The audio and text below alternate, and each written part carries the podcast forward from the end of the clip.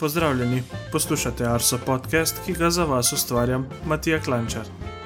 Tole je okrogla 50. epizoda, v srednji temi pa tokrat gostim Jureta Cedilnika, prognostika in razvijalca našega meteorološkega modela Aladin. Naročite se na naš podcast, v stik z nami pa lahko stopite preko elektronskega naslova podcast.arsoafnago.si ali preko družabnih omrežij. Na Twitterju smo Meteosi, na Facebooku pa smo Arso Vreme. Vremenska uganka. Zadnja vremenska uganka je bila malo posebna. Ker smo pričakovali snežno odejo po nižinah, smo vas spraševali po višini snega, ki smo jo izmerili v petek 4. decembra ob 7. uri zjutraj na postaji Ljubljana Bežigrad. Napovedi so se uresničile in v Ljubljani smo tisti petek izmerili 15 cm snega. Tokratna uganka pa se glasi takole: Kateri risani junak je posodil ime našemu meteorološkemu modelu? Svoje odgovore nam pustite v komentarjih na Facebooku, na Twitterju ali pa jih pošljite po elektronskem naslovu podcast.arsoafna.gov.si. Osrednja tema. V današnji osrednji temi gostim meteorologa Jureta Cedilnika, ki ga poslušalci včasih lahko slišite kot vremenskega prognostika v javljanjih na radijskih postajah, večino svojega delovnega časa pa se ukvarja z meteorološkim modelom Aladin. Danes nam bo povedal, kaj je novega na področju prognostičnih modelov v Evropi. Zdravo, Jure. Ja, živa.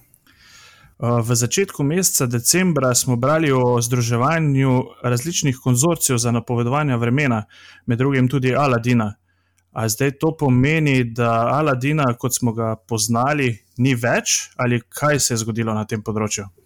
Uh, ja, v bistvu ni čisto tako enoznačnega odgovora. Torej, ja in ne, na nek način uh, Aladin v bistvu je bil hkrati model, hkrati pa tudi sodelovanje uh, večjih držav, nekako na čelu z francosko meteorološko službo.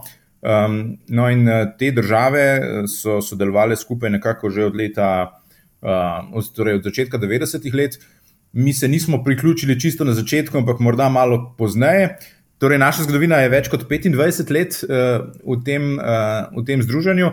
Uh, hkrati se pa Aladin imenuje tudi model ne? in morda mnogi poslušalci to poznajo, ko gledajo po naših spletnih straneh. Uh, Um, tako da uh, načeloma model kot tak ostaja, uh, nekako se je spremenil samo ta okvir, v katerem uh, sodelujemo, torej uh, pridružili oziroma združili smo se s konzorcijem uh, Hirlam, to so uh, v glavnem skandinavske države in, in Španija, ki so v bistvu tudi se ukvarjale s podobnim projektom um, in to je v bistvu zdaj. Um, zdaj to postalo nekako 26 držav, ki skupaj um, razvijajo um, in uh, si izmenjujejo izkušnje iz uh, operativnega poganjanja modelov. Torej, v bistvu uh, gre za.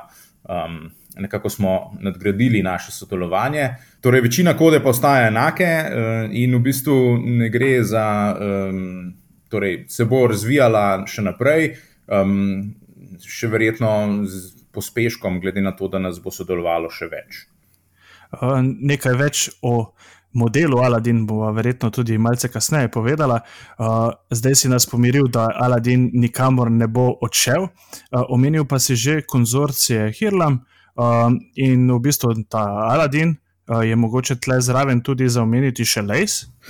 Ja, lahko, lahko poveva, ne, da pač eh, Aladin je bilo, pač, kot rečeno, eno, um, pač, eh, se pravi, bilo organizirano združenje uh, meteoroloških služb pod nekako pod taktirko Meteo France, se pravi, meteorološ, francoske meteorološke službe.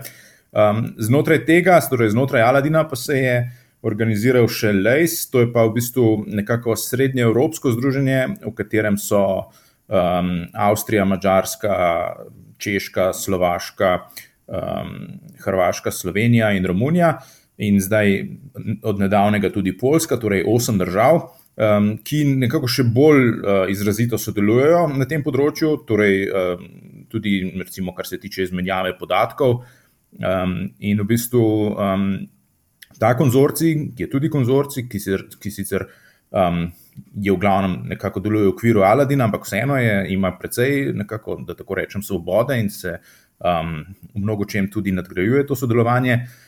Uh, ta se je tudi združil skupaj z, kot že omenjeno, s konzorcijem Hirlam, um, ki pa v bistvu um, je na podoben način ustanovljeno združenje, um, ki se je ukvarjalo z numeričnim modeliranjem oziroma z razvojem modelov za napovedovanje vremena Torej, lahko v bistvu zdaj vse te države oziroma konzorcije posamezne lahko dodamo neko nadpomenko uh, in pa kratico akord, če se ne motim. Ja, ja, tako je. To je v bistvu kratica, um, ki nekako pomeni konzorci za, uh, za, za razvoj in raziskave na področju modeliranja uh, vremena na konvektivni skali. S tem mislimo uh, predvsem procese, ki so povezani z nevihtami, namreč to je sedaj nekako tisto največji, največji izziv modeliranja vremena uh, trenutno in bo verjetno še v nekaj prihodnjih letih. Omenil si zdaj že uh, konvektivne procese. Uh, imamo, bomo imeli načeloma še prebivalci uh, kakšno drugo korist od tega združenja. Verjetno samo sodelovanje in pa razvoj vseh prognostičnih modelov, tudi po ostali Evropi, je drugač dobro, da sodelujete tudi prognostiki med sabo. Uh, Ja, zdaj to je pač načeloma glavnina tega sodelovanja na področju pač modelske kode. Se pravi, dejansko so mnoge te manjše države po Evropi že, že v 90-ih letih ugotovile, da je to en podvig, ki ga same ne bodo zmogle in so se začele povezovati. Zdaj, pač, zdaj smo na tej točki, ko se je res praktično združ, združilo tri četrt Evrope, da tako rečem, na, znotraj enega takega sodelovanja. Uh, to, da glavnina je, je pač, kar se, tiče, um, kar se tiče modelske kode, se pravi, same računalniške kode. Potem je pa tudi tukaj še cel kup drugih stvari, od uh, izmenjave podatkov, ki je namenjena za uh, uporabo teh modelih, pa do same verifikacije in validacije, torej preverjanja, kako ti modeli delujejo. Uh, pa tudi do izmenjave izkušenj, povezane s tem, kako se ti modeli izkažejo v kakšnih primerih in kako jih tolmačiti ali ne tolmačiti. Um, in v bistvu vedno se, vsaj mi, ki smo zelo majhen tim znotraj tega, uh, lahko pač imamo vedno koga si zauzeti za vzor, oziroma pogledati, kako to delajo tam, in potem se z tega konkretno sploh mi precej naučimo. Uh -huh. uh, zdaj, omenil si že v bistvu to naše lokalno okolje, kjer poganjamo uh, naš model Aladin. Kakšna je pa razlika med tem našim lokalnim pa recimo mogoče globalnim modelom? Ja, no, najprej je razlika um, pač čisto konceptualnega značaja, se pravi, globalni modeli so pač morajo pokriti celo Zemljo. Ne? Se pravi, um, to na nek način je to praktično, ker uh, se pač atmosfera zaključi sama vase, torej ozračje ne pozna meja in posledično uh, lahko pač odpade nekaj tudi komplikacij eh, račun, na račun tega, da pač um, oblaki potujejo okoli in okoli Zemlje. Um, ampak uh, imeti globalni model je zelo drago, tako da si to lahko privošči dan današnji, vedno manj držav. Um, tudi Evropa sodeluje zelo tesno, kar se tega tiče, torej ima um, Evropski center za srednjeročno vremensko napoved, uh, ki je v bistvu eden boljših na svetu. Um, in napovedi od tam bomo še naprej mi tudi uporabljali in jih, in jih v resnici uporabljamo vedno bolj. In tudi, tudi z razvojem novih računalnikov in novih tehnologij, v bistvu so nekako vedno bliže temu, recimo, kar smo mi delali 10 ali 20 let nazaj. Um, Tako da uh, za nas postajajo pač modeli, ki so lokalnega značaja, se pravi, ki, ki modelirajo vreme bolj natančno, ampak na manjšem območju. Se pravi, uh, naprimer, uh, računsko območje našega modela je pač uh, širša Srednja Evropa ali morda uh, malo več proti jugu. Um, in v bistvu m, tukaj, tukaj naš, to je naše ciljno, ciljno področje, tako ciljno območje. Ne. Tukaj želimo največ podatkov dobiti, in tukaj želimo najbolj izboljšati napovedi.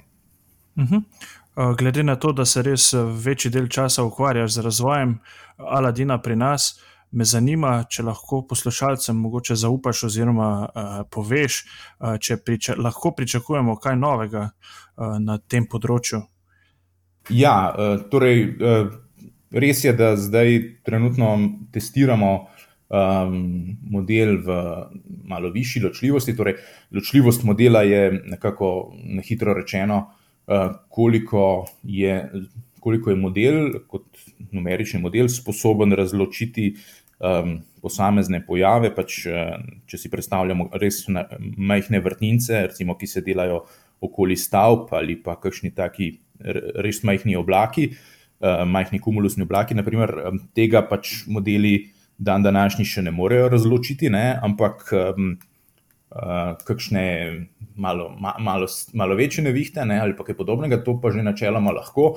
In zdaj nekako se obeta ta, to izboljšanje ločljivosti, nekako ciljamo na približno kilometrsko ločljivost. Ne? Trenutno operativni Aladin um, teče v 4 km ločljivosti, tako da približno za faktor 4 bomo izboljšali ločljivost. Sicer to potem faktor 4 se sliši malo, ampak eh, treba je vedeti, da to prinese faktor 4 v eni smeri, pa faktor 4 v drugi smeri. Pa tudi časovno je potem treba spremeniti izračunavanje, tako da se tudi tam pozna približno uh, za faktor 4. Tako da bo ta novi model približno tam okoli 15 do 20 krat bolj zahteven kot uh, stari. In to seveda je povezano tudi s časom računanja, oziroma računamo, da se bo, da se bo da čas računanja se ne bo preveč povečal, ampak bo pa bolj obremenilo to uh, našo superračunalniško infrastrukturo. V, prejšnjem odgovoru si sicer že malce nakazal, kaj to pomeni, za kakšne procese bo to zelo uporabno. Kaj pa pomeni, recimo, konec koncev za točnost napovedovanja vremena? Bodo napovedi še bolj pravilne, kot so že sedaj? Ja, e, to, je v bistvu na nek način to, kar, se, kar želimo. Ne. Zdaj, e, konkretne. Ta bo, ta, v tem primeru, ne, torej v primeru te kilometrske ločljivosti, si zelo prizadevamo, da bi vključili tudi meritve iz radarja, ne, se pravi, da se bodo asimilirale kot podatki, torej da bodo vhodni podatki v ta model tudi meritve iz radarja. Eh, s čimer bi dosegli boljšo krajevno in časovno porazdelitev nevihnih celic. In to je v bistvu tudi eden glavnih ciljev, ne, da bi uspeli bolj natančno napovedovati uh, konvektivne procese. Sicer še vedno je neizogibno, da bodo um, še vedno kdaj. Uh, ali pa morda celo večino časa ne bodo čisto točno, krajevno in časovno napovedani, ampak predvsem ciljamo na to, da se dovolj dobro lahko napove uh, tip nekih konvektivnih procesov, kajti nekako končen cilj, oziroma namen vsega tega početja je pač imeti urodje, s katerim lahko prognostik um, pač, uh, upozori in opredeli, nek, torej najprej analizira neko situacijo in posledično tudi upozori um, po potrebi pač kogarkoli. Eh, torej prebivalstvo, civilno zaščito in tako naprej, in s tem pripomaga pri pač varovanju premoženja in človeških življenj. Ne. To je pač glavni namen. Eh, torej, tukaj nam bo to pomagalo, predvsem pri nekako izboljšanju razumevanja, eh, kakšno vreme se trenutno dogaja, torej, kakšen tip nevihta ali kakšen, kakšen proces se je trenutno v teku, oziroma pričakujemo v naslednjih dneh, dveh, in to nam bo pomagalo. Mislim, in, in, in s tem, ko, bi, ko bomo pač povečali to ločljivost, bo model v tem smislu bolj zmogljiv, torej bomo lahko, um, bomo lahko lažje razumeli, kaj, kaj, kaj v tem smislu se z vremenom dogaja trenutno. Uh -huh. um, omenil si prej kilometrsko ločljivost, da, da stremimo k temu, da bi v bistvu Aladina začeli poganjati na tej ločljivosti. Um, ali so v bistvu kje nekakšna meja te ločljivosti, ali lahko še to povečujete? Ja, to je dobro vprašanje. Um, ja, pri nas torej, so, so že tudi poskusi, ne, da bi se pač eh, konkretno, recimo, mislim, da ima francoska meteorološka služba uh, projekt uh, napovedovanja vremena pri, um, uh, torej za, za olimpijske igre v Parizu, ki bodo čez uh, torej leta 2024, če se ne motim. Uh, Uh, in takrat uh, želijo to poganjati za širše območje Francije ali vsaj za severno polovico Francije z ločljivostjo okoli, okoli 500 metrov. Um, tako da načeloma se vse čas uh, vse te scheme, torej razne razno prepoznavanje, torej razno, razne scheme v modelih, kot so oblačne scheme, dinamično, torej kako, kako se veter uh, obnaša in tako naprej. Vse to se nekako razvija istočasno z, um, torej tudi z razvojem superračunalnikov in kaj nam, kaj nam omogočajo, torej, torej s tem, da lahko računamo uh, več in hitreje, s tem v bistvu S tem se nekako tudi model razvija in nekako se nakazuje to smer, da se bo lahko vsaj še za nekaj časa povečevala ta ločljivost. Je pa tako, ne, da um, glavna značilnost vremena je, da, da, da, da, da pozablja, torej, da se vreme v bistvu spremenja in da v bistvu uh, to, kakšno je bilo vreme včeraj, ne vpliva več na to, zelo, kakšno bo vreme danes. V neki meri ja, včasih bolj, včasih manj. Ne?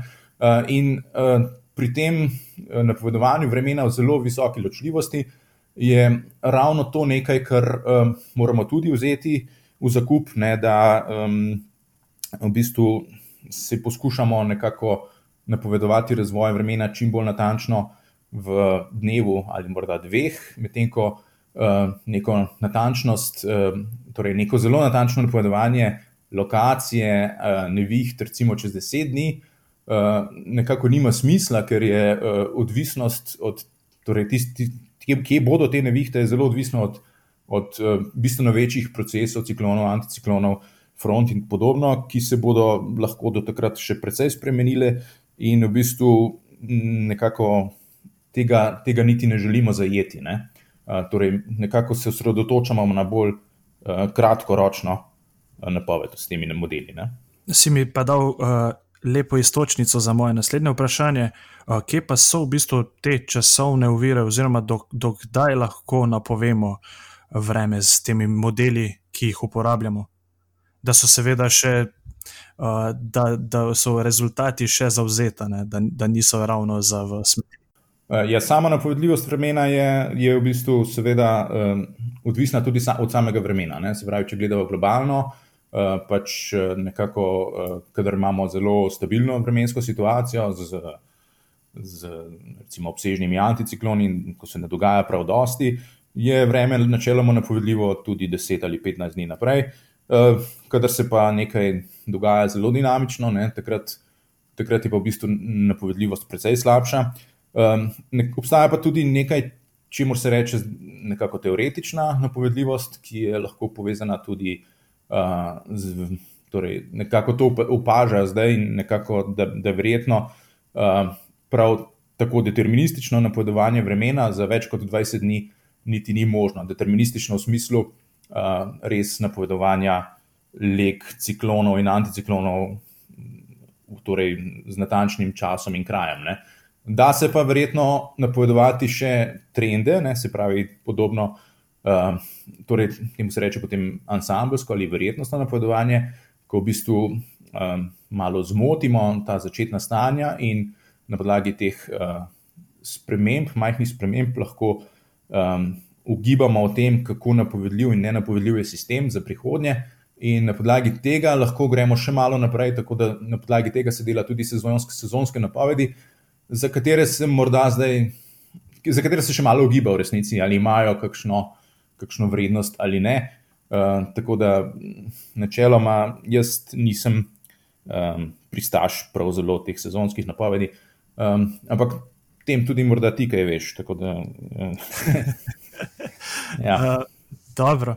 Uh, še eno vprašanje imam. Prej smo govorili o lokalnih modelih, pa v bistvu tudi v Aladinu, da ga poganjamo pri nas, pa tudi sosedje Hrvati ga imajo. Uh, Zdaj me pa zanima, kakšne, kakšne so sploh razlike v teh lokalnih modelih. Verjetno fizikalne enačbe so za vse modele enake. Kje pa so te razlike?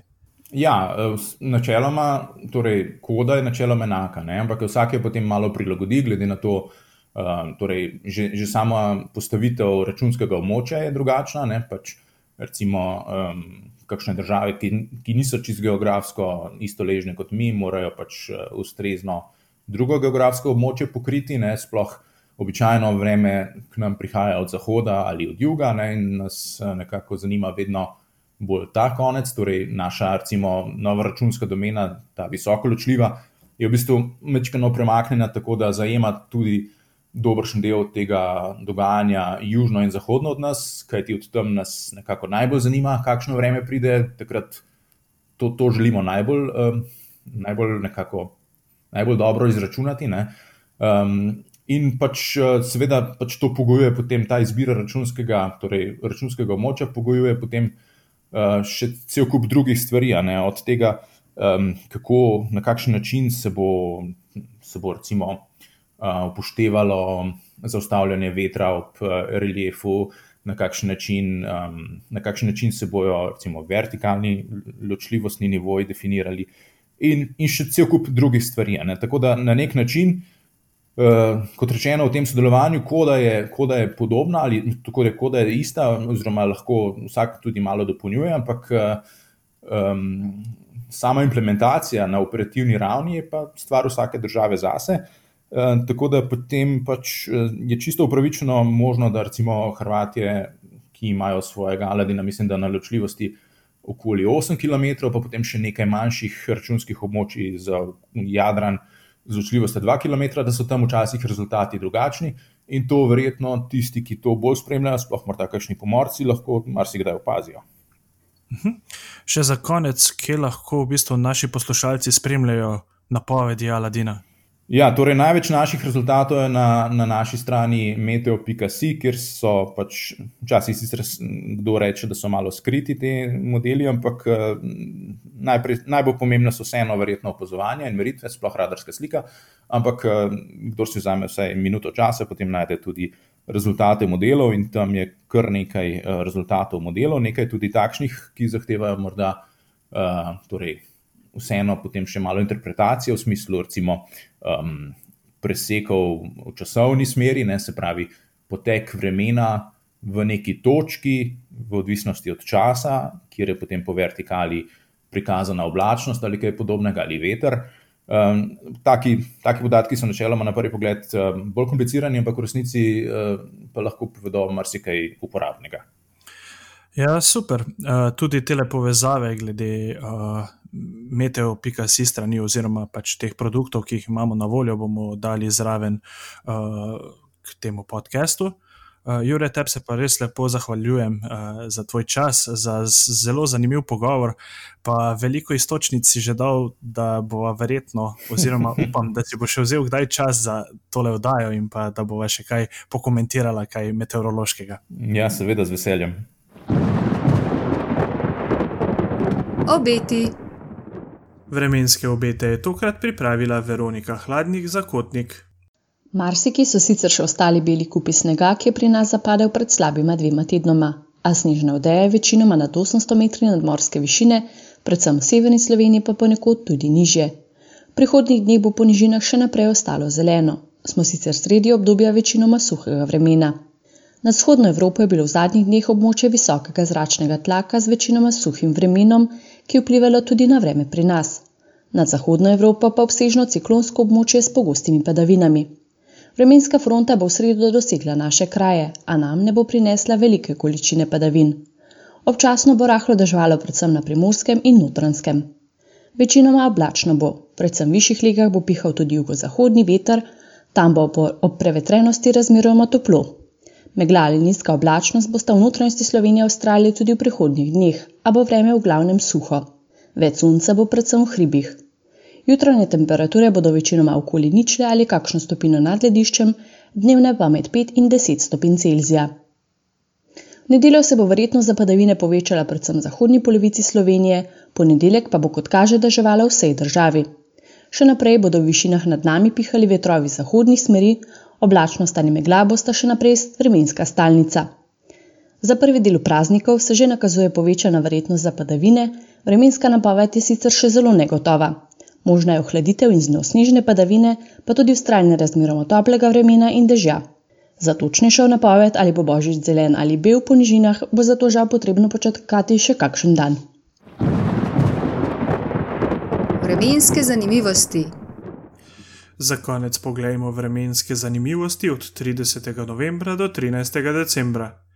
Tudi tokratno 14-dnevno obdobje lahko razdelimo na teden rekordov, prvi teden, in zadnji teden, ko ni bilo presežkov v spremenljivkah, ki jih spremljamo v vremenskih zanimivostih. Najvišja temperatura je bila izmerjena na postaji na letališču Portorož. 6. decembra smo izmerili 18,7 stopinje Celzija. Tokrat smo najnižjo temperaturo izmerili na postaji Babno polje. 4. decembra je bilo kar minus 13,5 stopinje Celzija. Najhitrejši sunek vetra je bil izmerjen na Krederici. 5. decembra je pihalo s hitrostjo 149 km/h. Največ padavin, kar 143 mm, smo izmerili 7. decembra v Zgornji Radovni. Če je bilo v prejšnjem 14-dnevnem obdobju v gorah tudi več kot 100 ur sonca, pa je bilo tokrat v obdobju od 30. novembra do 13. decembra tega sonca več kot pol manj.